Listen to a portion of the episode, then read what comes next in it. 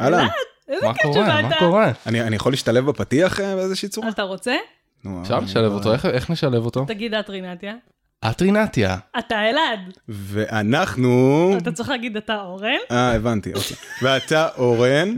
ואנחנו פיצוחים. עם אלעד. אוי, חזק. זה החלום שלך? יש לי את זה, זהו, הגשמתם לי. טוב, אז... זה עוד לא אה, עשינו. נכון, לא. אלעד רציני, אלעד בחור רציני. מקורי. אה, טוב, אז אלעד, תספר לנו, מה הדבר האחרון שלמדת? מה הדבר האחרון שלמדתי? אוקיי, אז קודם כל, אה, אנחנו בתקופת קורונה, אז אני אומר לצערי, אחד, הדבר, אחד מהדברים האחרונים שלמדתי זה באמת סביב דיני עבודה. וואי וואי. אה, כן, דיני עבודה, כל הנושא של חל"תים, החזרה מחל"תים, אה, מה המשמעות של זה, איך אה, צריך להתנהל. איך אתה לומד את זה? מהאתר כל זכות, או שיש אה, כאילו משהו יותר רציני? כל זכות, קודם כל, זה אחד, אחד המקורות היותר משמעותיים, וואלה. אבל כן, יש גם אתרים של עורכי דין שלגמרי נותנים את ההתייחסות. אגב, היו גם התייחסויות ספציפיות לקורונה. העלו מאמרים, העלו כל מיני, גם החוק קצת התעוות בהתאם. למצב. יותר נכון, וואו. התגמש. בואנה, אה, זה עולם ומלואו הדבר הזה, אה? זה, זה עולם ומלואו, ואגב שיש כרגע איזשהו פרויקט גם סביב הנושא הזה של דיני עבודה, זה מעניין הרבה מאוד אנשים, הרבה מאוד מנהלים. אה, איך לעשות דברים נכון, וכמובן... אה, בטח. שורה תחתונה למדת לבד, או שזה היה גם ייעוץ עם עוד מישהו? למדתי לבד. יש, יש לנו את היועצת המשפטית, אבל בסופו של דבר... למדת אה, לבד. הייתה, כן, בוא נעשה רגע סדר, אתה מנהל חברה של כמה עובדים? 20. וואו, אוקיי.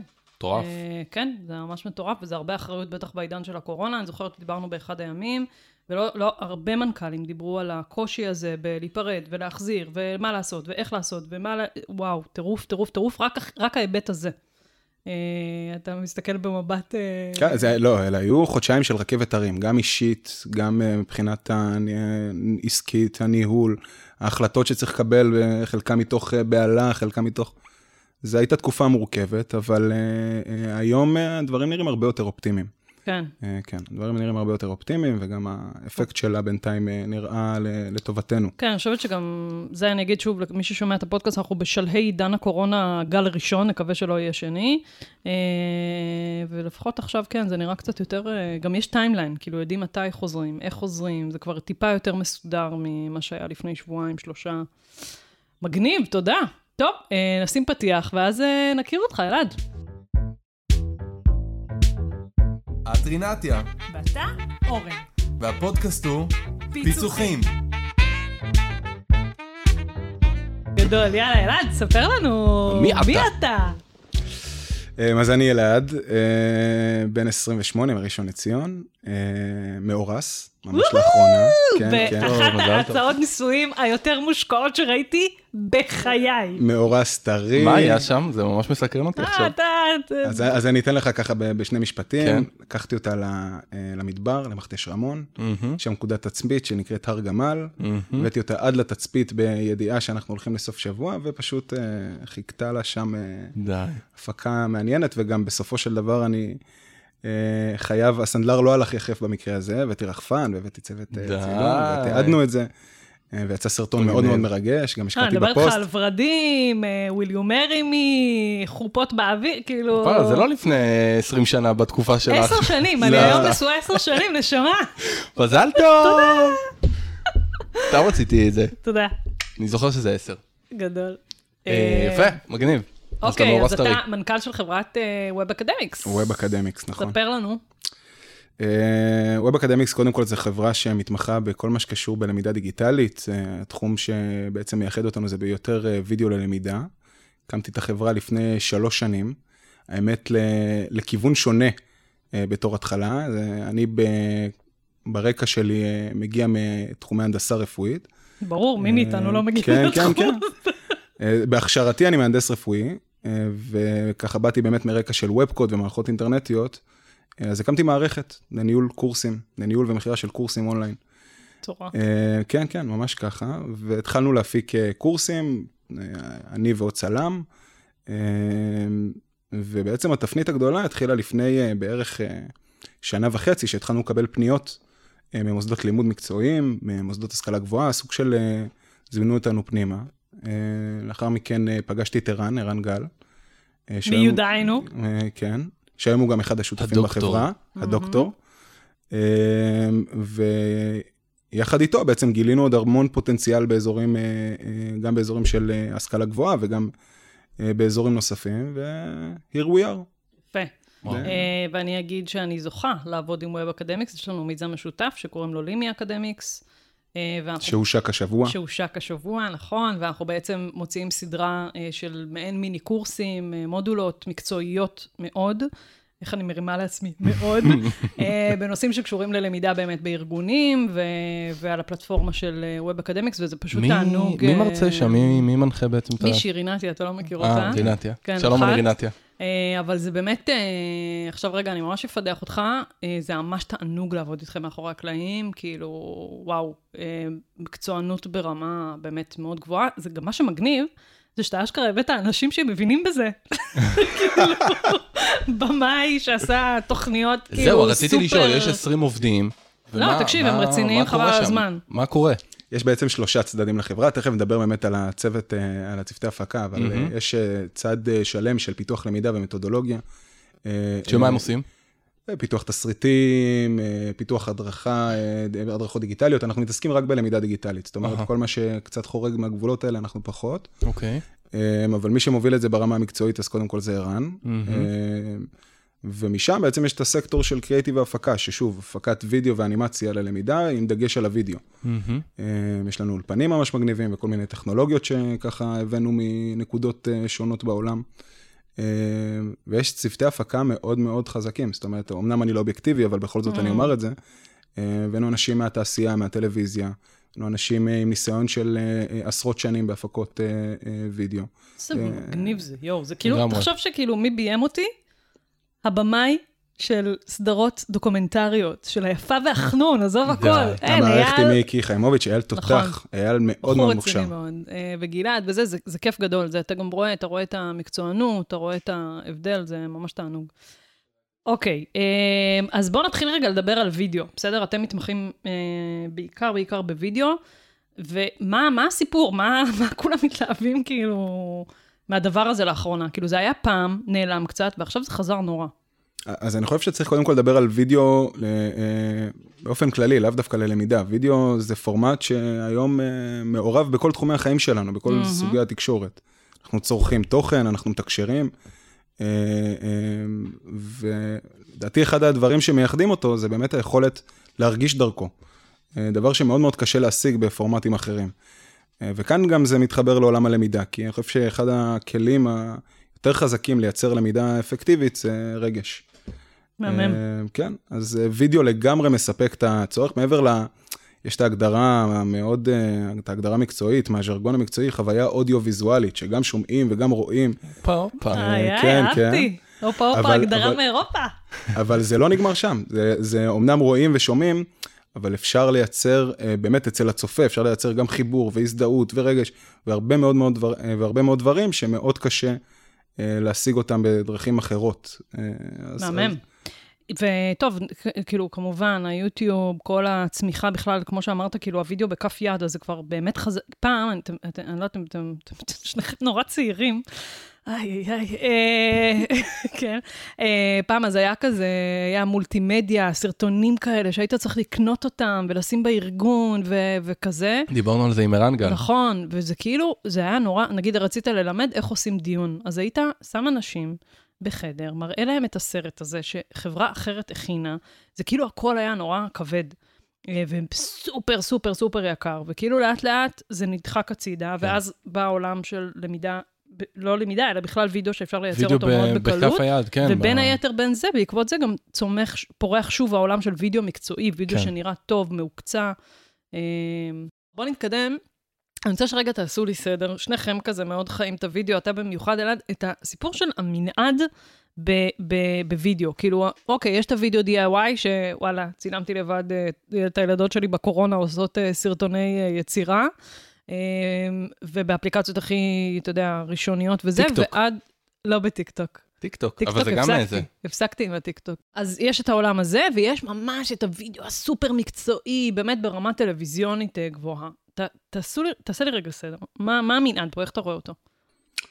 אה, קודם כל נתחיל בזה שצריך לבחור ברמת גימור על בסיס הערך שהיא מביאה לאותו פרויקט. אוקיי. אה, אה, אם כבר אני רגע מתעלם מכל ענייני מסגרות אה, לוחות זמנים ומסגרות תקציב, אני רגע רוצה להתייחס ספציפית למתי נכון לבחור ומה. אוקיי.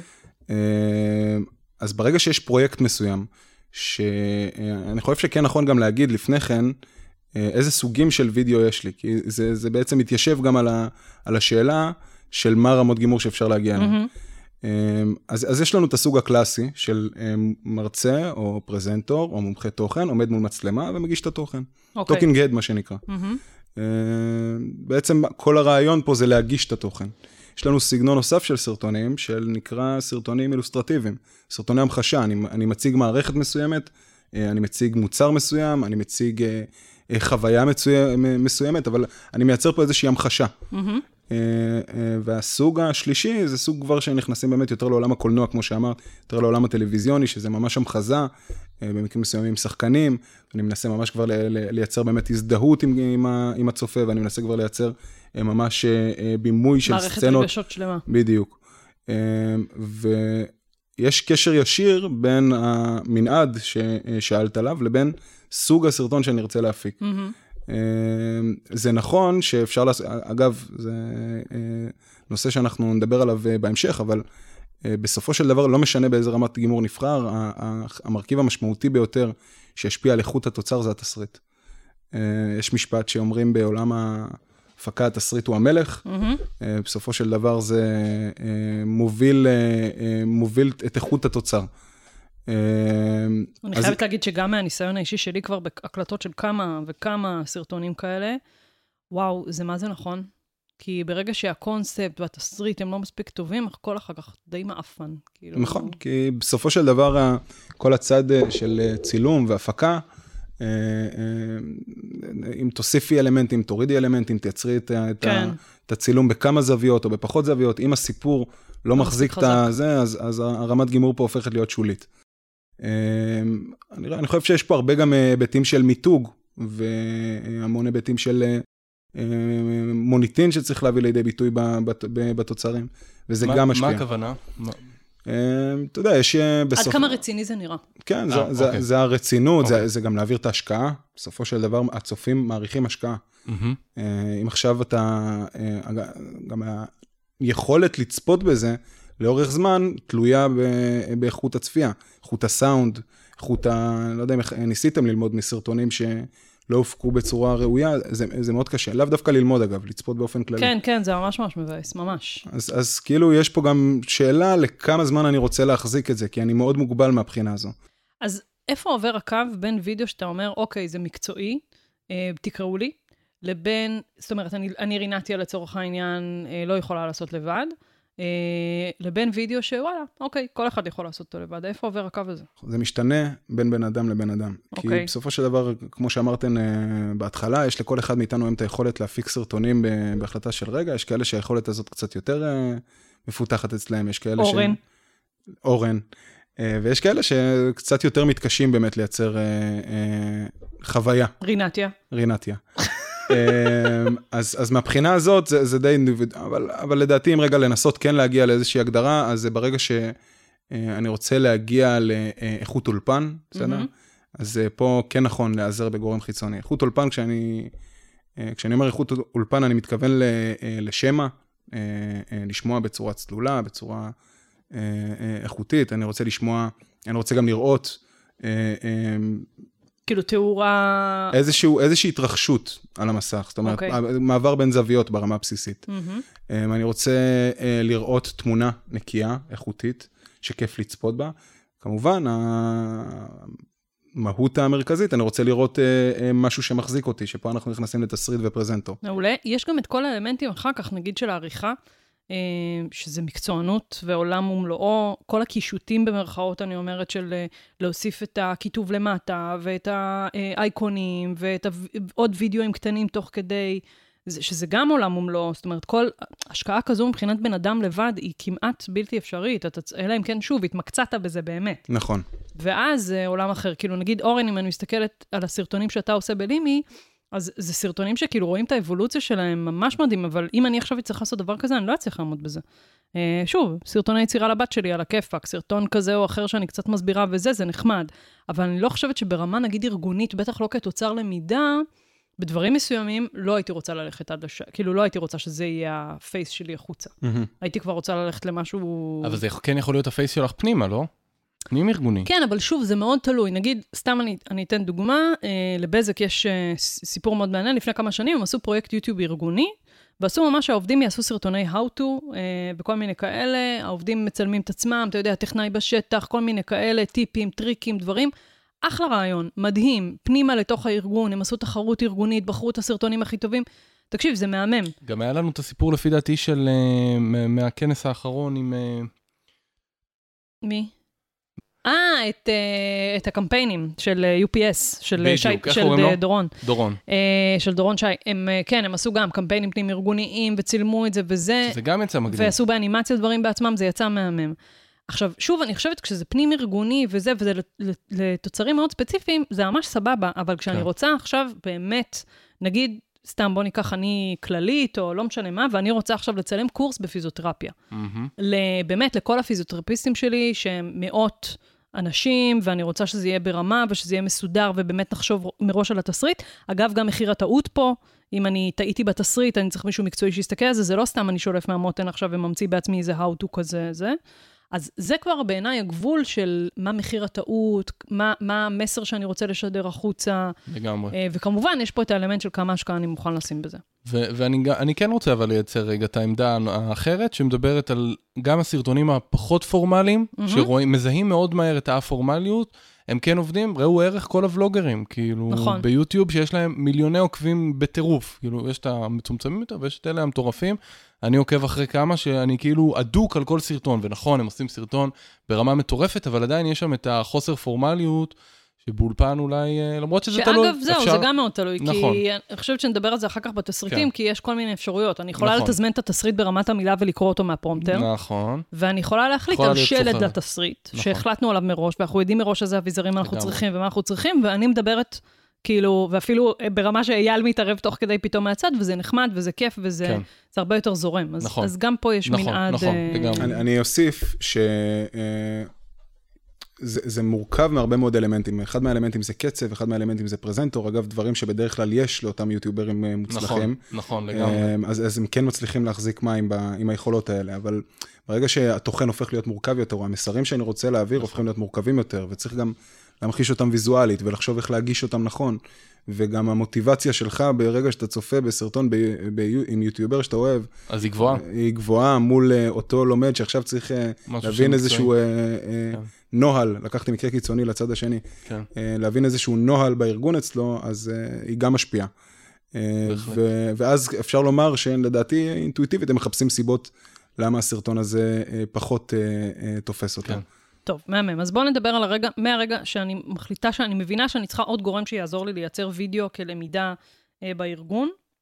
אז עכשיו פניתי אליכם, ומה אז? כי אני, אה, דוגמה, היה לי השבוע שיחה עם מישהי שאמרה לי, וואי, תקשיבי, זה מהמם וזה, אבל אין מצב שאני שמה את כל ההשקעה הזאת אצלי בארגון, למרות שאני מבינה שאני צריכה מישהו מקצועי שיעזור לי בלייצר את הסרטים האלה.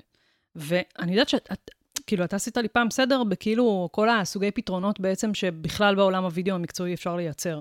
אה, שזה מעין כאילו חבילות כאלה, אז תסביר.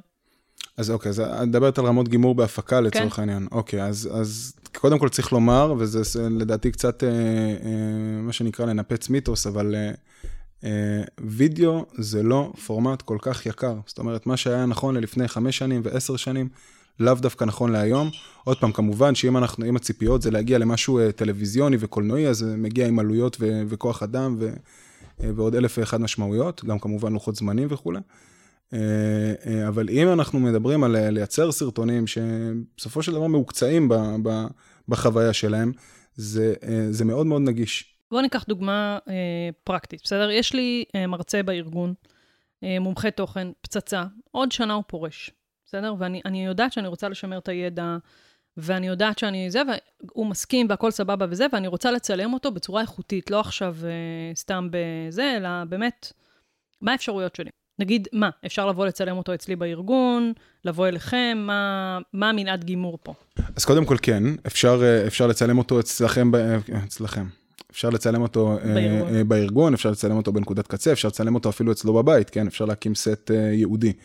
אה, אה, אפשר להביא אותו לאולפן, שאגב, אה, לרוב זה, זה עדיף, אם יש את היכולת הלוגיסטית, זה בדרך כלל מאפשר להוציא... כי אז זה מנותק מרע שאפשר לשלוט... מאפשר להוציא תוצרים ברמה איכותית יותר, גם יש משהו כשהמצולם נכנס לאולפן שהוא קצת יותר, מה שנקרא, מכניס ל, ל, ל, לקצב, מכניס לאווירה. ואגב, את- כל עניין האווירה על הסט, האווירה על האולפן, אגב, את מכירה את זה מלא מזמן, משהו שקשה מאוד להחליף אותו ב- באיזשהו חדר ו...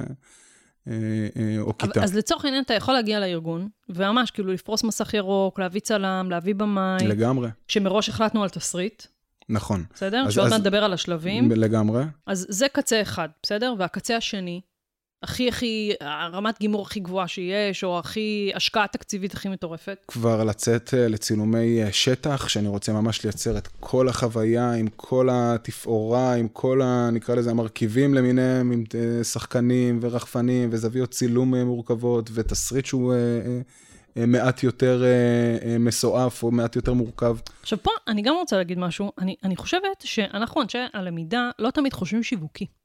ו, ובתוך סרטונים כאלה, נגיד סרטון עכשיו מיתוג לארגון, אז מה זה ישקיעו וזה וזה, ולפעמים בתוצר למידה, שאני יודעת שזה תוצר למידה שהולך להישאר לאורך זמן, ושווה לי להשקיע בו, אני כאילו לא אחשוב על וידאו ברמה הזו, ולפעמים זה הרבה יותר שווה את זה.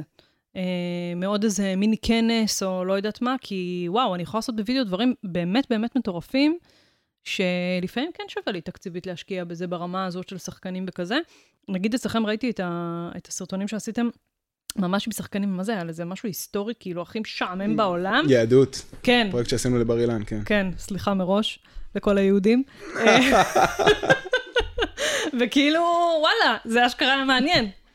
בגלל השחקנים ובגלל הזוויות, ואיזה מישהו שליווה אותי כזה, איזה story teller כזה, הייתי בשוק. האמת, האמת שהתוכן שם ממש מעניין, אה, אבל זה בהזדמנות, את תיכנסי ותראי, זה, סיפ... זה בעצם פרויקט שהיה לסיפור היהדות בראי חז"ל.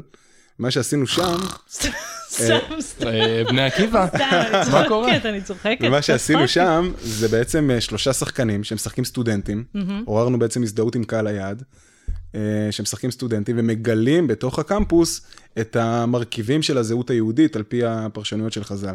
עכשיו, אה, קודם כל הנושא הזה של זהות יהודית, אה, לדעתי די בוער היום. אה, אה, והוא די במה שנקרא בקונצנזוס.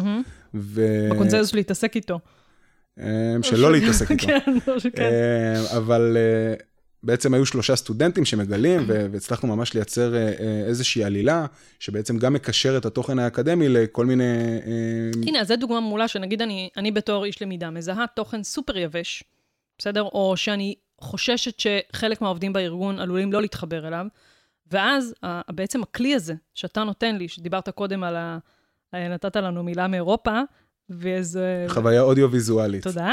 אה, שבעצם ממש עוזרת לי להעביר את התוכן בצורה באמת מעניינת, שהלומד שלי באמת יישב ויראה את, ה, את הדבר הזה, וככל שהתוכן הוא יותר חשוב ויותר משעמם, מאוד יכול להיות שזה כלי שאני צריכה לשקול אותו. לגמרי, ו- ו- ולפני שדיברתי על חוויה אודיו-ויזואלית, דיברתי על משהו חזק יותר, שבעצם לגרום לצופה להרגיש. רגש. ו- אה, ובפרויקט הזה, ובפרויקטים באופן כללי, אנחנו תמיד מנסים לשלב את ההומור, במיוחד איפה שיש עלילה, אז גם קצת אולי דרמה, ואיפה שאפשר, אז אפילו אולי טיפה מתח, אבל אלו הדברים שזוכרים. או שיווקו, או שיווקו. גם אופציה. אה, אה, אני כן יכול, אני כן יכול אה, אה, להבטיח שאם הצופה בוכה, אז מתבצעת פה למידה. או, אה, ואני... אה, מעניין. כן. כי זה אני- עובר לפאנל. אני חושב שאם. אני אשאל אותך על סרט שראית לפני עשר שנים, ואשאל אותך על כן. פרטים לגביו, אתה תדע לענות לי. כי אם הוא גרם לי לבכות, כן. אם הוא גרם לך לבכות בוודאות, אבל גם אם היה איזשהו משפט מצחיק אה, של אחד השחקנים, אתה תדע... כן, זה הופך להיות catch phrase. זה, יש משהו בחוויית, אה, אה, בחוויה שחווית שהוא הוא יותר אה, מוטמע. אוקיי. יותר- הוא יותר מוטמע בסופו של דבר. אחד הדברים גם שאני לומדת, כאילו, במיוחד בעבודה איתכם, זה לא לפחד מקונספטים, כאילו... מטורפים? לא מטורפים, אבל אתה יודע? שכאילו אמרתי, מה הקשר? אה, אוקיי, אוקיי, אוקיי. לצלם בסופרמרקט, אה. אה, לצלם אנשים זקנים. ל- כאילו, זה פתאום לוקח אותך למקומות שלבד בחיים לא הייתי חושבת על זה, עם כל זה שאני כאילו יצירתית וזה, ופתאום אנשים שבאמת יש להם ניסיון בזה ויודעים לקחת לסיפור לעוד רבדים ולעוד מקומות, וואלה, יכולים להפוך את התוצר למידה שלי לפי אלף יותר טוב ממה שלבד הייתי מגיעה אליו, גם אם הייתי כאילו ב-DIY שלי או לא משנה. טוב, מהמם, אז דיברנו על המנעד. אה, בואו נדבר רגע על תהליך העבודה. אז אוקיי, החלטתי שאני רוצה לעשות, אה, להשקיע בווידאו כתוצר למידה, בסדר? מה קורה? מה אני אמורה לעשות? שלב ראשון, כמו בכל פרויקט למידה, אנחנו נכנסים לתהליך של אפיון, להבין אה, מי נגד מי, מי קהל היעד, מה ההישגים שאנחנו רוצים להביא. את, ה- אני מאמין שבנושא הזה אין מה להרחיב. אה, ומתחילים בעצם פיצוח קונספטואלי. אוקיי. הפיצוח הקונספטואלי תמיד קורה במקביל לכל הצד המתודולוגי. זאת אומרת, מהמם. החיבור הזה זה משהו שקורה ממש בשלבים ראשונים. איזה מענה אני נותן מבחינה קונספטואלית, מבחינה הפקתית, מול איזה מענה אני נותן מבחינה מתודולוגית, אה, הדרכתית. ברגע שיש את המתווה שמבוסס על שני המרכיבים האלה, אפשר לצאת לפרויקט. אה, אה, זה רק לי קצת מורכב, אפשר דוגמה? כן. יש מצב? לא, בטח. אז זהו, אז האבחון, אנחנו, נראה לי כולנו אנחנו מבינים מבינים. אותו. אחלה, בוא נק... קונספט, בוא ניקח ניקח... את העניין של- של הפיצוח. כן. אז אה, אני שוב אתייחס לפ- שים לב, לדוגמה. אלעד יודע להגיד פיצוח, שולט במושגים כבר, בז'רגון. בטח. מה זה? אה, אני גם בפיצוחים, אז אני...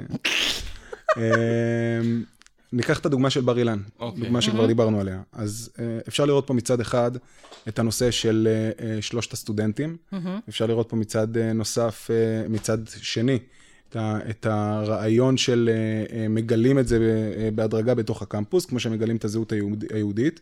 ואז יש לי בעצם שני דברים שמתחברים, שזה רצף למידה יחד עם עלילה. שני דברים מעולמות שונים שמתחברים. מעולה. בוא ניקח עוד דוגמה.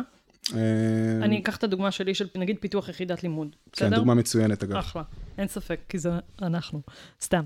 Um, עשינו את פיתוח יחידת לימוד, ונגיד uh, החלטנו בגדול שזה הנושא, יופי, מגניב, עכשיו ישבנו לישיבת קונספט, בסדר? יושבים רגע וחושבים מה באמת הזה. אז אני קצת, אני כאילו המומחית תוכן, אז אני מציגה רגע את התוכן המקצועי וזה וזה. עכשיו, נגיד אייל, במקביל בזמן הזה, המוח שלו רץ כבר 80 קילומטר קדימה, בכלל, הוא הבין את הקונספט של התוכן, יופי, עכשיו הוא לא צריך את ההסבר על מה זה. מהמם. והוא לוקח את זה רגע לאנלוגיות ודברים, וכאילו, זה פשוט ישיבה שמלא דברים עפים באוויר, ואז החלטנו על באמת קונספט, שאנחנו נקביל את ה... נעשה בעצם אנלוגיה בין השלבים של איך מפתחים יחידת לימוד, בסדר? לבין הכנת ארוחה. בסדר? ואז בעצם אנחנו נשלב את השלבים האלה. השלבים, הסרטון ממש יובנה בשלבים כאלה שממש לפי התהליך עבודה, שבמקביל לזה בעצם יש עולם נוסף, שבו אני ממש מכינה, או חושבת איך להכין את הארוחת, אה, ארוחה לחברים. לא משנה כן. שבסוף אני מכינה סנדוויץ'. אבל בעצם, כאילו ממש זה, ואז אייל ממש עף עם זה, ולוקח את זה למקום של, אוקיי, אז פה אנחנו נלך לסופרמרקט ותבחרי את המוצרים, ופה אנחנו נחשוב על איזה אנשים מגיעים, ופה תפתחי ספר בישול, ואז, וכזה. וזה ממש ממש מגניב, כי אני מבינה שוואו, זה תורם לגמרי לתהליך של הלמידה, לבן אדם הרבה יותר קל וגם הרבה יותר מעניין לראות עוד משהו במקביל, רק לתוכן היבש במרכאות.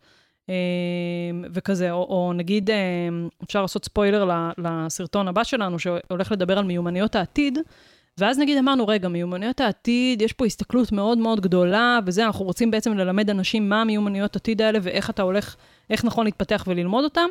וזרקנו רעיונות, ומפה לשם עלינו על הרעיון של הסדרה, נגיד 84, מהמם. שיש אנשים בני 80 ואנשים בני 4, ואז אמרנו, אוקיי, בואו נשכלל את זה, ופשוט אנחנו הולכים לקחת מישהו, ילד או ילדה, לא משנה, מישהו בגיל אמצע כזה 40, ומישהו אה, מבוגר. מהמם. ובעצם לשאול אותו על כל מיומנות עתיד, איך הוא רואה אותה, איך הוא חווה אותה. עכשיו, זה הרבה יותר מעניין עוד פעם, מאשר שאני רק אעמוד ואדבר.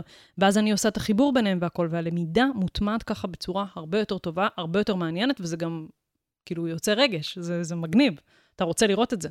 אה, בסדר? זה, זה הקטע של הקונספט. אבל, אבל חשוב לומר שבדוגמה של רינתי, אז את- כל הצד המתודולוגי כבר בנוי.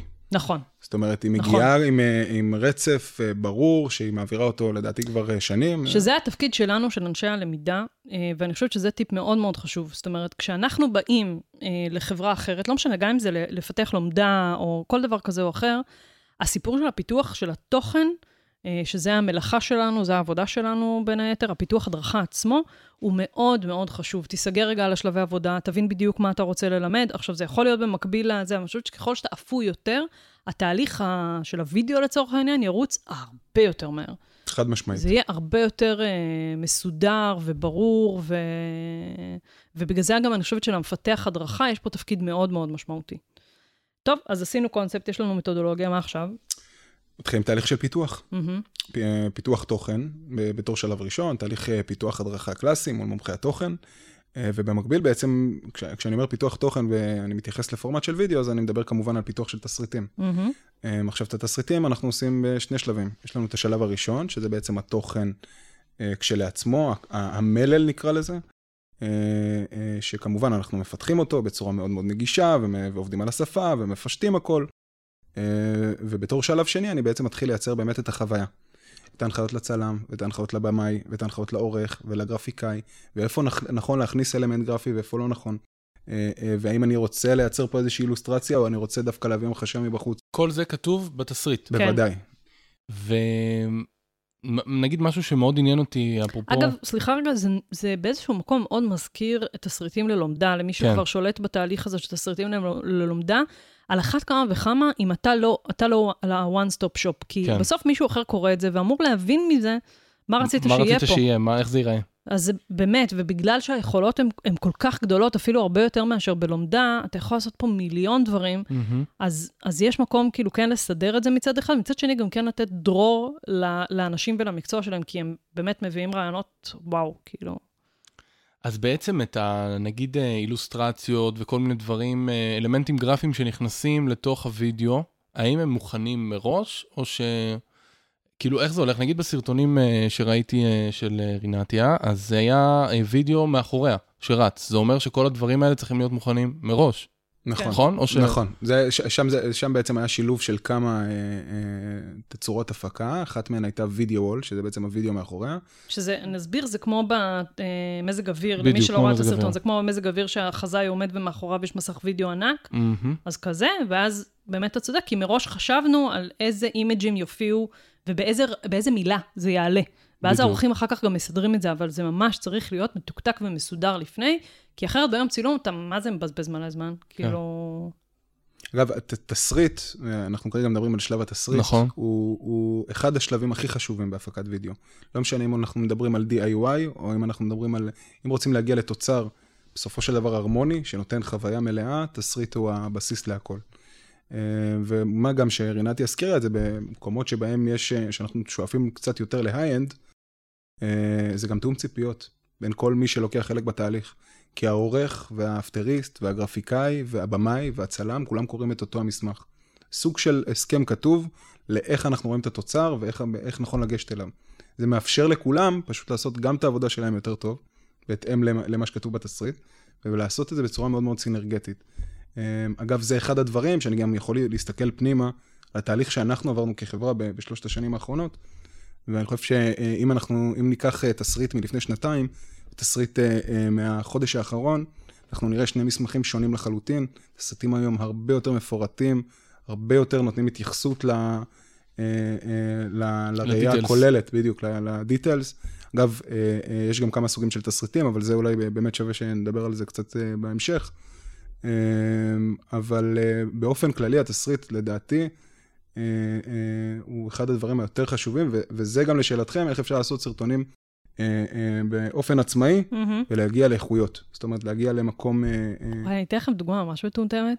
בקורונה, אז אמרתי לכם שעשיתי סרטון יצירה עם הבנות שלי, ופשוט הכרחתי אותם, אחרי שיש לי ניסיון עם חברת ווב אקדמיסט, הכרחתי אותם להחליט מראש על התסריט. והבת שלי ישבה וכתבה את כל השלבים, פלוס ציוד מצד שמאל של מה היא צריכה לכל השלב, היא הכינה הכל, ואז צילמנו את זה כמעט, כאילו, בכמה, ש... אבל כאילו כן. זה באמת, כי לפני זה היה לי ניסיון אחר בלצלם איתה כזה סרטון, זה היה סיוט.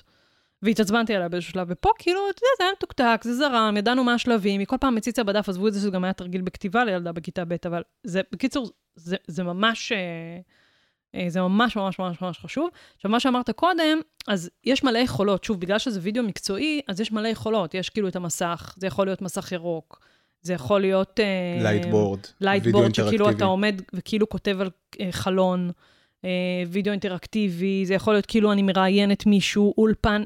העולם פה הוא באמת, אה, הם יכולים לעשות מלא דברים, ששוב, זה דברים שב-DIY מאוד קשה לעשות אותם, אה, וזה באמת עוד קפיצת מדרגה מקצועית שאפשר לעוף איתה. לגמרי. אוקיי, אז יש תסריט.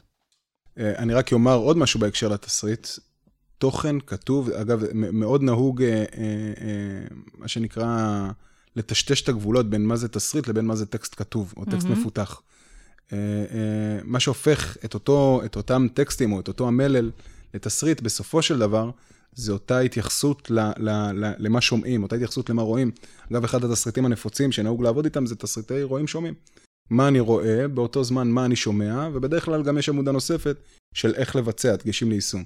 אבל אה. אה, יש, יש איזושהי אה, תפיסה של, אוקיי, יש לי את התוכן שהמרצה אמור להגיד, אז יש לי תסריט. ואז אנשים נעצרים שם. ולא לקחו בחשבון בעצם את כל המרכיבים הנוספים, כש- כשהתוכן והפרזנטור זה רק שני מרכיבים מתוך, עוד אלף ואחד דברים שאפשר לעשות. נכון. מהמם. יש אוקיי, לנו תסריט. יש תסריט. אנחנו עוברים לשלב שנקרא קדם הפקה. מהמם. קדם הפקה אה, אה, זה בעצם הכנה של, של התסריטים לקראת יציאה לצילום. יש פה אה, פירוק לרשימות shotים, אם מדובר בהפקה שהיא אה, הפקת אה, חוץ או שטח או עם שחקנים. אה, אה, יש תכנון של אה, ימי צילום. עוד פעם, אני, אני כרגע יוצא מנקודת הנחה שאנחנו מדברים על תהליך מלא ועל מהמם. אה, לאו דווקא high-end, אבל רמה, אה, נקרא לזה מקצועית. אה, אז יש באמת את הפירוק לרשימות shotים, כמו שאמרתי, ויש את התכנון של הימי צילום, ויש את הישיבת הפקה, שהיא מתבקשת בטירוף. אה, אחד הדברים שבאמת עושים את ההבדל, שכולם עוברים על התסריטים מראש ולא נתקלים בהם בפעם הראשונה ביום צילום, כולל התיאום ציפיות יחד עם הלקוח או עם מומחי התוכן. אה, בוא, בוא, שוב, גם פה ניקח רגע מה שזה. זה אומר שלצורך העניין צריך לעבור על כל הציוד שצריך להכין אותו מראש, ובדיוק מי אחראי על מה, ובאיזה שעה מגיעים לאיפה, והלוקיישן, ומי דיבר עם ההוא של הלוקיישן, ו- ויש פה מלא מלא מלא דיטיילס כזה, שצריך לסגור אותו, שאחר כך, בסוף, כשאתה מגיע לשטח והדברים האלה לא היו סגורים מראש, אתה מה זה צריך לאלתר, וזה לא טוב, זה גוזל זמן, זה עצבים, זה סתם, וכאילו פה, ככל שהדברים יותר סגורים מראש וכאילו מתוקתקים, הצילום ירוץ הרבה יותר חלק. אז הפרזנטור גם אה, נכלל בישיבת הפקה? הפ- הלקוח או מומחי התוכן, אם הפרזנטור הוא אחד מהם, אז, אה, אז כן. ואם הלקוח הוא בן אדם נוסף, אז גם הוא יהיה. נכון, אבל uh, פרזנטור, ואגב, זה אחד הדברים שכן uh, אנחנו מנסים לשלב יותר ב, uh, בסרטונים, או באופן כללי בפרויקטי uh, הדרכה, כי פרזנטורים, המקצוע שלהם זה להנגיש. Uh, ולא מעט פרויקטים, אני, אני אומר את זה בזהירות, נופלים על, בסופו של דבר על מומחי התוכן שחשוב לו הוא לעמוד מול המצלמה. Uh, uh, זו אמירה, אגב, האמירה שאני אומר כרגע היא אמירה שנויה במחלוקת, אבל... מה שאתה אומר בעצם זה... תקן אותי, אם הפרזנטור הוא. מעפן, אז תיקח שחק- שחקן במקום זה לגמרי, שיכול להעביר את לגמרי. התוצר בצורה ממש ממש טובה. לגמרי. כן. התוכן, התסריט יכול להיות מושלם, התכנון יכול להיות מהמם, לקחתם והשקעתם הרבה מאוד כסף והרבה מאוד uh, uh, זמן בלהרים את הפרויקט הזה. בסופו של דבר, יש מומחה שנרדם מול המצלמה. ולא עובר ש- מסך. אני חושב שזה מאוד דומה גם להדרכות uh, פרונטליות. לגמרי, אה, לגמרי. אה, ויש אנשים שזה המקצוע שלהם, שיודעים לייצר חוויה, שיודעים לייצר קשב, שיודעים לייצר, באמת, אה, אה, אנחנו עובדים עם לא מעט פרזנטורים בלא מעט פרויקטים. הם עושים את ההבדל, הם יכולים להרים גם תסריט פחות טוב, כן. הם יכולים להרים תוכן פחות מעניין, ו, אה, וזה לא עכשיו אה, אה, סיפור או, או יקר או מורכב. אה, אה, זה אחת ההמלצות שאני בדרך כלל נותן אותן ברגע שמעורב מומחה תוכן שמעוניין להיות גם הפרזנטור. אה, כמובן שיש יוצא מן הכלל, כן. כמו רינתיה. ואתה אתה מזהה את הפרזנטור מראש? כאילו, ברגע שאתה מבין מי זה, אתה אנחנו כבר עושים קולט? אבחון. אנחנו כן? עושים אבחון עמידה מול מצלמה, אגב. במיוחד בפרויקטים של נגיד הפקת קורס, אתה הולך להעביר עם, המרצה כן. ימים על גבי ימים. אה, זה גם משפיע באופן אה, ישיר על ההספק, נכון. אה, אבל רגע נשים את ההספק בצד ונתייחס ל- לרמ, חוויית לרמה, למידה. רמת גימור, כן, נתייחס לחוויה, נתייחס לאיכות התוצר. אה, זה ממש אה, אה, גורם ל... זה. מבאס לראות את זה. עכשיו, גם ראיתי כאילו פרזנטור, נגיד, זה, אז אז אתה יודע, מנסים לחפות על זה אחר כך, גם קצת ב... נכון. לשים יותר אנימציות, יותר זה, יותר זה, אבל כן. בסוף זה כאילו... כן. אין, הבן אדם צריך לעבור פשוט... זה, אני אגיד על עצמי לדוגמה, בפעמים הראשונים שאני הייתי, בפעמים הראשונות שאני הייתי מול מצלמה, שזה היה כבר מזמן, וואו, זה היה לי ממש קשה.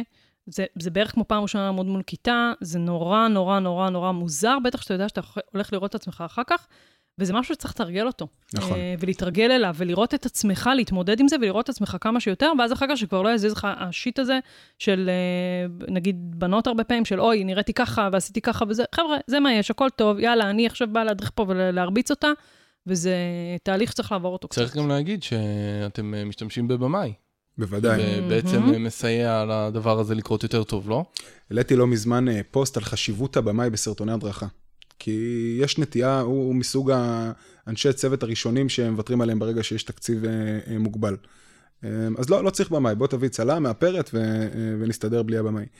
הערך של במאי, במיוחד במקרים שתיארתי, שאנחנו עובדים עם בן אדם לא מקצועי, או בן אדם שלא בא מעולם, ה... לא עמד הרבה מול מצלמה בחייו, מהמם.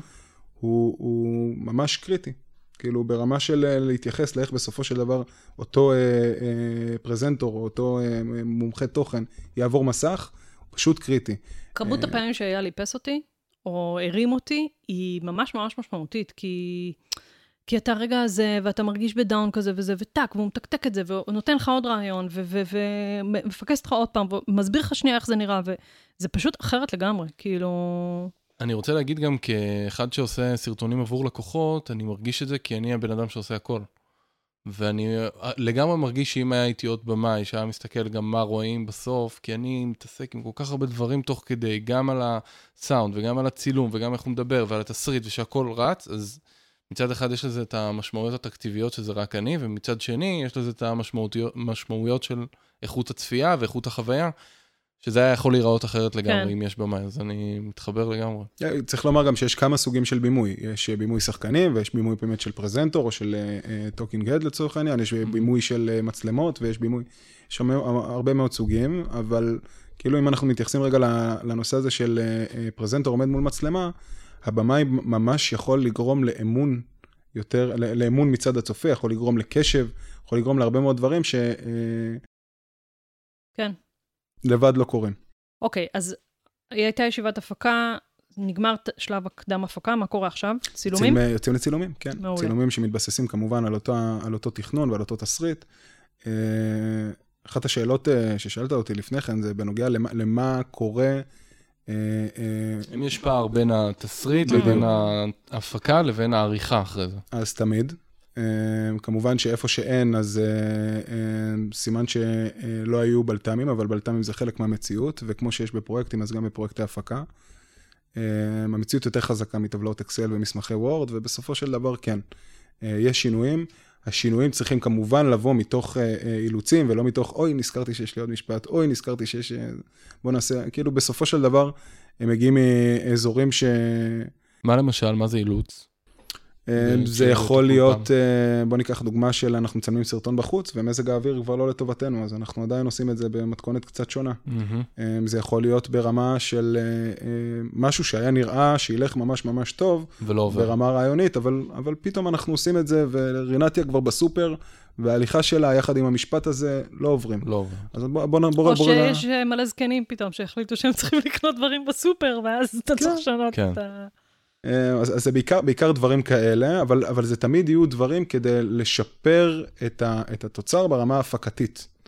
אה, אה, כי להתעסק בתוכן, באמת צילום, וזאת אמירה מאוד מאוד חשובה, להתעסק בתוכן באמת צילום, גם מוציא את כל, ה, את כל המערך הזה מבלנס, כן. גם לדעתי גורם בלונגרה לתוצאות פחות טובות. אמ, ובסופו של דבר זה גם, זה לא המקום. כן. אני, אני גם אגיד פה שאני חושבת שנגיד במקומות שבהם אני מקריאה יותר, וזה, יש עניין שזה ירגיש מאוד uh, זורם, ולא באמת שאני מקריאה. ולקח לי זמן, נגיד בסרטון הראשון שצילמנו, אז ממש קראתי מפרומטר, והייתי די קפואה, ו- וכתבתי דברים שוואלה, בחיים בעל פה ככה בדיבור הרגיל אני לא אגיד אותם. כמו, לא מילים קצת יותר גבוהות, כל מיני כזה, ואתה לא קולט שאתה כאילו מדבר זורם. כשאתה mm-hmm. כותב משהו על דף, זה נראה מאוד אחרת, נכון. מאשר שאחר כך, ולאט לאט אלה דברים שעם הזמן קצת משתחררים. נגיד בתסריטים שאני כותבת כבר עכשיו, וכבר הסינרגיה היא הרבה יותר טובה, ואנחנו יותר... אז אתה, וואלה, אתה, אתה מבין, ואתה כותב רגיל, ואני אומרת וואלה, ואני כותבת וואלה. ואחר כך אני מקריאה את זה לעצמי, כדי שאחר כך אני לא אגיע לצילום, ואז אגיד לאייל, אה, לא, לא, לא, לא, בוא נתקן עוד פעם את המשפט כן. הזה. לא, לא, לא, לא, זה, זה לא טוב. כאילו, צריך להכין את זה מראש. אחלה, צילמנו, מה עכשיו? Uh, מתחילים תהליך של post production. Uh, השלב הראשון זה עריכת rough cut-ים. מכירים את המונח rough cut? rough cut זה, זה פשוט לערוך... עשיתי לו עם העיניים. כן, כן, הבנתי. אז, אז בגלל זה כבר נכנסתי להסבר. rough cut זה בעצם עריכה בסיסית של הוידאו, אני מעמיד אותו um, על timeline, uh, אני מעמיד mm-hmm. אותו בעצם על איזשהו רצף, mm-hmm. uh, חותך uh, uh, חומרים, uh, נקרא לזה חומר זבל, אה, מתקן את הצבע, מסדר את הסאונד, עושה כמה, אה, נקרא לזה, תהליכים מקדימים לעריכה, אה, ובסופו של דבר יש לי את המבנה הבסיסי. בדרך כלל, כבר בשלב הזה, אנחנו מייצרים סרטון ראשון. אגב, יש כמה, כמה סוגים של תהליכי עבודה, תלוי מי הלקוח, תלוי מה רמת המעורבות שלו בשלבים האלה, mm-hmm. אבל אם, אם אנחנו עושים את זה, מה שנקרא A to Z בפנים, בתור שלב ראשון אנחנו הולכים באיזשהו קטע. אה, הקטע הזה אה, עובר אה, גם עיבוד משמעותי יותר מבחינת הוידאו עצמו.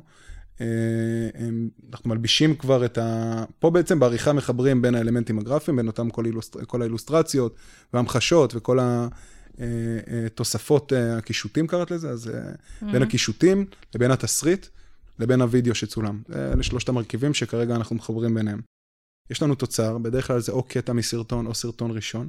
את הסרטון הזה מעבירים גם אצל הבמאי, וגם אצל התסריט, התסריטאי, וגם אצל הלקוח, גם אצל האפטריסט שהכין את האלמנטים, גם את המעצבת שיצרה את השפה. ובסופו של דבר זה עובר בכל מי שלקח חלק בתהליך. הסרטון הזה. כדי שכולם יראו את הדוגמה רגע ויתיישרו קו. נכון. מהמם. עכשיו, מבחינת תהליכי עבודה, מבחינת אה, אה, יעילות בתהליך עבודה, זה שלב מאוד מאוד משמעותי, הרבה דברים צפים בו. הרבה מאוד, אה, מ- מאמין שאתם מכירים את המונח, אה, את הביטוי אה, שיקולי עריכה. מהמם. שיקולי עריכה זה מה שרואים מכאן, לא רואים משם. אוקיי, כתבת תסריט, יצאתם לצילומים, אבל בואו, עכשיו אני, אני יושב עם כל הדברים ביחד וזה לא מתחבר לי. אה, אז, אז אותו סרטון ראשון מציף את כל הדברים האלה. אותו קטע ראשון, הנה, זה קרה לנו עכשיו, אתה יודע? נכון. אה, בסרטון של למידה משמעותית, ששכחנו לעשות פתיח אה, לשתי מיני סרטונים בתוך הזה, ועכשיו הם, הם אה, כאילו מנסים לחשוב איך לחפות על זה, אנחנו נמצא כמובן את הדרך. אבל זה דברים שרואים משם, לא רואים מכאן, אתה לא, חש... לא חשבנו על זה עד עכשיו, כאילו, הדבר הכי קטן הזה שפתאום עושה את ההבדל ב... זה... אוקיי, אז היה את זה. אז יש את הסרטון, יש את הסרטון ואז מתחילים הראשון. את כל העריכה. לפני שמתחילים את כל העריכה, יש דיון סביב הסרטון הראשון. הדיון הזה, אה, אה, מטרתו לגבש, אה, נקרא לזה תוכנית מעודכנת, לאיך אה, אה, ניגשים לפרויקט. אגב, ברוב המקרים אין איזשהו הבדל משמעותי, ברוב המוחלט של המקרים אין איזשהו הבדל משמעותי בין מה שתוכנן למה שמבוצע בפועל. זה דיוקים. אה, ב- בעיקר דיוקים, ובעיקר באמת לוודא שכולם, כל דבר במקום, מה שנקרא. אה, משם זה עובר לתהליך כבר של אה, עבודה רוחבית, אה, במיוחד אם מדובר בפרויקט גדול של וידאו. אנחנו עובדים לא מעט עם האקדמיה, אז אה, אנחנו בפרויקט ממוצע מייצרים אה, 300-400 דקות וידאו. אה, כן. אה, יש גם יותר מזה. עכשיו אנחנו עושים פרויקט של 5,400 דקות וידאו, מפיקים אותו פעמיים, באנגלית ובעברית. אה, כן, אז, אז זה, זה לא משהו זה אני שצריך לה... עשיתי. כן, אלה, אלה דברים יחסית אה, יוצאים. מן הכלל, אבל, אבל כאילו, העבודה הרוחבית, יש פה כמה שלבים שנועדו יותר למטרת היעילות. אוקיי, אז אני מקדמת אותנו, עשינו עריכה, יופי, עכשיו זה נשלח לעוד אה, דגשים והערות, נכון? נכון, בקרת איכות, סבב תיקונים, ומה שקורה בעצם בכל פרויקט הדרכה קלאסי, פרויקט למידה דיגיטלית. אה, סבב תיקונים, והסבב מהמם. תיקונים חוזר, וכל אחד ב... ואז לוקח זמן קצת להעלות את זה למערכות, מעלים למערכות, זה מתחיל לרוץ. לגמרי, מכניסים את זה לאיזושהי מעטפת, זה יכול להיות אה, איזושהי מערכת LMS, זה יכול להיות אה, לעטוף את זה ב Storyline, ואחר כך להנגיש את זה ב, אה, בדרך כזו, וזה יכול להיות גם רק סרטון, שזה, מהמם. גם, שזה גם עובד. מהמם. וואה, כמה שלבים? הרגת. כן, כן, אבל זה- זה אה. בסוף יוצא, וזה יוצא מדהים. אני, אני רק אומר שאת אותו, אה, כדי גם לא להרתיע. אה, אנחנו הלכנו פה, אנחנו הלכנו פה על. פרויקט, על- הלכנו פה על פרויקט באמת שמערב את כל הפונקציות, ועל פרויקט שבאמת מטרתו לסיים את זה בצורה מאוד high-end, אבל, אבל ה- השלבים הם אותם שלבים, במקרים מסוימים פשוט פחות... אבל בוא ניקח רגע זה, נגיד, אה, שוב, סרטונים נגיד שאנחנו יצרנו ביחד, אז בסוף אני מעבירה את החומרים, יש לנו ישיבת קונספט, אה, אני כות- כאילו כותבים את התסריטים, עוברים על התסריטים, עושים, אתם עושים את ההפקה קצת בדיבור איתי, יוצאים לצילום, עושים את הצילום, עושים עריכה, תוך חודש גג, חודש וחצי, כבר יש לנו תוצר וידאו מטורף. אה, אז זה כאילו חשוב לשים את זה בפרופורציות, אה, למול תוצרים שהם באמת מאוד מורכבים והכול וזה, וזה אפילו יכול להיות יותר מצומצם מזה, זאת אומרת, הרמתם סרטונים אה, בכלום זמן. לא, המודולים שעד עכשיו, כן, עד המודול הרביעי אנחנו נמצאים כרגע, מהמם. הם, הם לא מודולים מורכבים נכון. בהפקה שלהם. זו רמת הפקה שהיא, אה, מה שנקרא מהוקצת, אבל, אבל זה לא אותם שחקנים... פרויקטים שכן, שצריך עכשיו להיערך אליהם בצורה... מעולה. אה, יופי, עכשיו אנחנו נעבור לשאלה בקטנה. שאלה בקטנה זה תורי? שאלה בקטנה. שאלות שלי לא קטנות. אה, אני אתחיל רגע, אבל דווקא משאלה. תתחילי. לא, כאילו שאלות קטנות, בסדר? אז דיברנו רגע על, אה, על המנעד הזה של וידאו וזה, ודיברנו על אה, תהליך העבודה ב, בלהפיק וידאו באמת מקצועי כתוצר למידה. בואו נדבר על, אה, על שאלות קטנות שיש לנו. בסדר? אז בואו נתחיל רגע מחיסרון בוידאו. אלעד, חיסרון מה בווידאו. החסרונות בוידאו? אבל בקטנה תענה. אה, קודם כל, תודה, זה, סתם. האמת שזה היה בן מספיק. אדם כי, כי, מתבטא. כי, אין, אה, כי אין הרבה חסרונות בווידאו, אבל יש חסרונות בווידאו כמובן, ו, אה, וצריך להכיר אותם. קודם כל אני מתייחס לוידאו כמובן אה, פורמט ללמידה, זה פורמט רץ, הוא לא מחכה לנו. איבדתי קשב לחצי דקה, אני צריך או לחזור אחורה, שאגב, אה, משתמשים בזה כמשהו מאוד מאוד חיובי, אתה יכול לצפות בווידאו פעמיים, אף אחד לא צפה בווידאו פעמיים. נכון. בסדר? זה, זה נכון שיש את היכולת הזו ברמה הטכנית, אבל מבחינת קשב, עכשיו אני יושב וצופה בסרטון הדרכה, לא כיף לי לחזור אחורה. אז אה, אה, לא כל סוג של תוכן מתאים לעבור באמצעות וידאו. מהמם. אה, אה, יש אני, דברים... אני יכולה להוסיף עוד חיסרון? בטח. שתוכן שמשתנה ודינמי, לא בהכרח מתאים לוידאו. לגמרי. כי לחזור, לתקן, לעדכן את זה, זה, זה סיפור. כן. אז uh, צריך לחשוב על תוכן מספיק יציב גם בשביל העניין הזה. נכון, וזה אגב שיקול שמפעילים אותו בעיקר בפרויקטים אה, אה, רחבים. לצורך העניין, מפתחים עכשיו ומפיקים קורס מסוים. אז מראש יש לי מגוון של רכיבים, יש לי אינפוגרפיקות, ויש לי מהמם. וידאו, ויש לי פה תרגול, ויש לי פה רכיב טקסטואלי. אז, אז אחת, אחד השיקולים לחלוקה, זה איזה תוכן הולך להשתנות בשנה, שנתיים, שלוש הקרובות, ואיזה תוכן הולך למה שנקרא להישאר. אגב, אה, אפשר להכניס לוידאו גם תכנים כאלה, רק Mm. פשוט כאלמנטים גרפיים. ואז ולא- קל לשנות אותם. נכון, אני יכול להכניס את זה כ pop-up, וה pop-up הזה ישתנה בצורה מאוד מאוד פשוטה בעוד שנה או שנתיים. אני יכול לעשות איזושהי שקופית אה, סיכום עם קריינות. מעולה. אה, אה, אפשר, אפשר לפתור את הדברים האלה, אוקיי. אבל אם זה משהו נקודתי, כן, בוא. ניתן לו לסיים, כי אני מסמנת לו, כאילו, זה זה שאלה קטן. בקטנה, שאלה כן, בקטנה, כן. אה, אם זה משהו נקודתי, אז הייתי בוחר פשוט מראש באנימציה. אה, מעולה. אחלה. אורן, שאלה בקטנה. אה, כתוביות, subtitles, צריך, לא צריך, מה עמדתנו לגבי הדבר הזה? זה תמיד משדרג. כאילו, זה, זה תמיד יעשה את למה אבל זה זה חשוב nice to have או חובה? יש, יש אה, אה, אנשים, אני, אפילו אני יכביר ויאמר, כל האנשים, יותר נוח להם אה, שגם כתוב להם. זה כאילו עוד דרך שבה אני אה, מנגיש להם את הידע, מנגיש להם את החוויה, מנגיש להם את התוכן. אה, אז, אז אני באופן כללי מאוד מאוד אה, ממליץ על לשלב כתוביות, אבל אלמנטים גרפיים, לצורך העניין, זה לא תמיד טוב. זה לפעמים תופס את הקשב, זה לפעמים אה, ריכוז. אה, זה לפעמים אפילו רק מפריע. אז אלמנטים גרפיים נכון לשלב עוד פעם בנקודות מאוד מאוד מסוימות, וגם בדרך כלל כדי להתגבר על אותו חיסרון שדיברתי עליו קודם. מהמם. אוקיי, תורי. מה אורך סרטון ממוצע הכי טוב? מתי היית בקולנוע פעם אחרונה? אנחנו בתקופת קורונה. כן, לא, אבל נגיד חצי שנה, משהו נגיד לפני. חצי שנה, אוקיי, אז לפני חצי שנה היית בקולנוע. כמה. זמן ישבת באולם? יותר משעה וחצי. שעה וחצי, והיית מרותקת, היית בקשב. אנחנו יכולים לדבר על מה היה בסרט. רק מוכיח שבסופו של דבר החוויה, צורת ההפקה שבחרו, אותן רגשות שדיברנו עליהן, הם אלו שמגדירים את האורך של הסרטון שאני יכול להגיע אליו. אה, אה, ובואי נגיד שאם אני רגע מתייחס לסרטון אה, קלאסי מהמם. של talking head, מה שהכי נפוץ היום בעולם ההדרכה, זה בין 4 ל-6 דקות. אוקיי. אה, כל דבר מעבר לזה כבר מצריך באמת... מצריך להיות מרצה בטד. נכון. גם, ומצריך יותר חשיבה. סבבה. אליך, אורן, מה השאלה שלך בקטנה? אה, תודה לך, רינתיה. בבקשה, אורן. אה, ואנחנו אני- פיצוחים.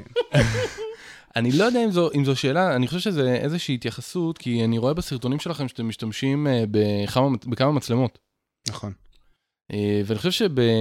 אני חושב שזה עושה הבדל מאוד מאוד משמעותי בין סרטון שאתה עושה אותו לבד, לבין סרטון ברמה אולפן, ברמה של אולפן, מעבר לשאר הדברים שדיברת עליהם שהם סופר חשובים, אבל לפעמים אנשים לא שמים לב לכמה זוויות צילום הזה, כמה זה משפיע. ואני מזמין את כל מי שמקשיב לנו, צפו בחדשות היום בערב לצורך העניין, מהמם. ותראו כמה פעמים הם עוברים בין זווית לזווית. כמה פעמים מצלמה זזה, כמה פעמים, זאת אומרת, כל הדברים הקטנים האלה, הכאילו לא קריטיים, עושים הרבה מאוד הבדל בחוויה אחרי זה שהצופה מקבל, וזה כחלק משאר הרבה אלמנטים שדיברת עליהם, והם... אני, אני, אני קצת אוסיף, בגדול יש המון המון המון משקל לקונטקסט בווידאו. ומה קורה בעצם ב, אה, במקביל לכל התוכן שמועבר אליי, או לכל ההדרכה עצמה. אה, צריך לקרות כל, דבר, כל הזמן איזושהי התרחשות. אה, אם, אם רגע ממש לנסות להביא איזשהו כלל אצבע, זה בין חמש, בין חמש לעשר שניות צריך לקרות משהו. זה יכול להיות מעבר זווית, זה יכול להיות pop-up, זה יכול להיות איזושהי המחשה. אבל, אבל גם, כמובן צריך לעשות את זה בצורה שהיא מספיק זורמת כדי שאני לא אשים לב אפילו. אה, אה, אבל, אבל לגמרי, הזוויות לגמרי מאפשרות את זה, גם מאפשרות כמובן לתקן דברים, אפשרות... כן, אה, אה, לעשות אחר קאטים. זהו, אה, גם פה זה מאוד תלוי, אני חושבת, גם בקהל היעד שלי, ובאמת בתוכן עצמו וזה, כי אני יכולה ללכת ממש לסרטונים כמו אה, סרטון הדור ה-YYY, ש- של כאן, כל כן. הצורת עריכה הזאת, שהיא כן. סופר קופצת. עכשיו, אני רואה את זה, ווואו, אני קצת אה, קשה לי. וואלה. ויש אנשים שעפים על זה, ו- וזה עכשיו, שוב, אני רואה את הסדרה וזה, אבל אני כל הזמן במין פורמה של וואי, הפסדתי את הכתובית מצד ימין, והפסדתי את הכתובית מצד שמאל, וכאילו, נשמות, תרגיעו. לעומת דברים שאתה רואה, היי, נשמה, ת- תרימו את הקצב. אז זה גם מאוד תלוי בקהל היעד שלי ובתוכן, אם כן. זה צריך להתאים לזה, אבל כן, התזוזה הזאת היא נורא חשובה. אה, וואו, אז היה לנו מלא שאלות בקטנה. ועכשיו אנחנו נעבור לסיכום שלנו. סיכום במילה. מסכמים במילה. אוקיי, כל אחד חושב על מילה שמבחינתו מסכמת את הפודקאסט. איזה מילה הוא לוקח מהפודקאסט הזה? חוויה, זה, זה המילה שלך? כן. אוקיי, למה? כי קודם כל, זה פעם ראשונה שאני מקליט פודקאסט. אה, איזה מגניב, כן. נכון, שכחתי. ו- והאמת שהיה לי ממש נחמד וממש נעים.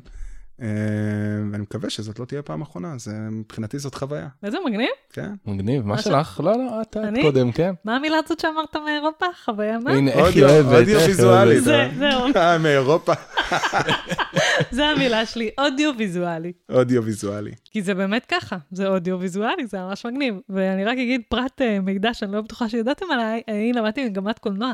או, כן, יש לי חמש יחידות, וזה הדבר היחיד בתעודה שלי שקיבלתי בו 100. סתם. שתדעו, כן, בבקשה. יפה. המילה שלי זה הפקה. Mm, תסביר. הפקה כי אני חושב שאלעד שם פה מאוד, בצורה מאוד שיטתית, את כל סדר הדברים שצריך להתבצע, וגם נתן את הדגשים על מקומות שהם נראים פחות קריטיים. אז בתסריט לא שמתי דגש עד הסוף על כל מילה, אז לא עשיתי ישיבת הפקה, אז לא נתתי התייחסויות של כולם, אז לא עשיתי, כאילו כל הנקודות הקטנות האלה, כל סדר העבודה בעיניי הוא מאוד מאוד חשוב, כדי שבסוף יהיה לנו תוצר כמו שצריך ברמה מאוד מאוד גבוהה. אה, וגם לעשות את זה בכמה ש... לצמצם, בסוף הזמן שלנו הוא הרבה מאוד כסף, וזמן של אפטריסט או עורך או צ... אה, יום צילום באולפן, זה דברים שעולים כסף, אז אם אנחנו נדע להיות מתוקתקים ולעשות את זה כמו שצריך, אה, וזה גם אחלה טיפים למי שהולך עכשיו, זאת אומרת, בואו נגיד שאם אני הארגון שהולך אה, להפיק אה.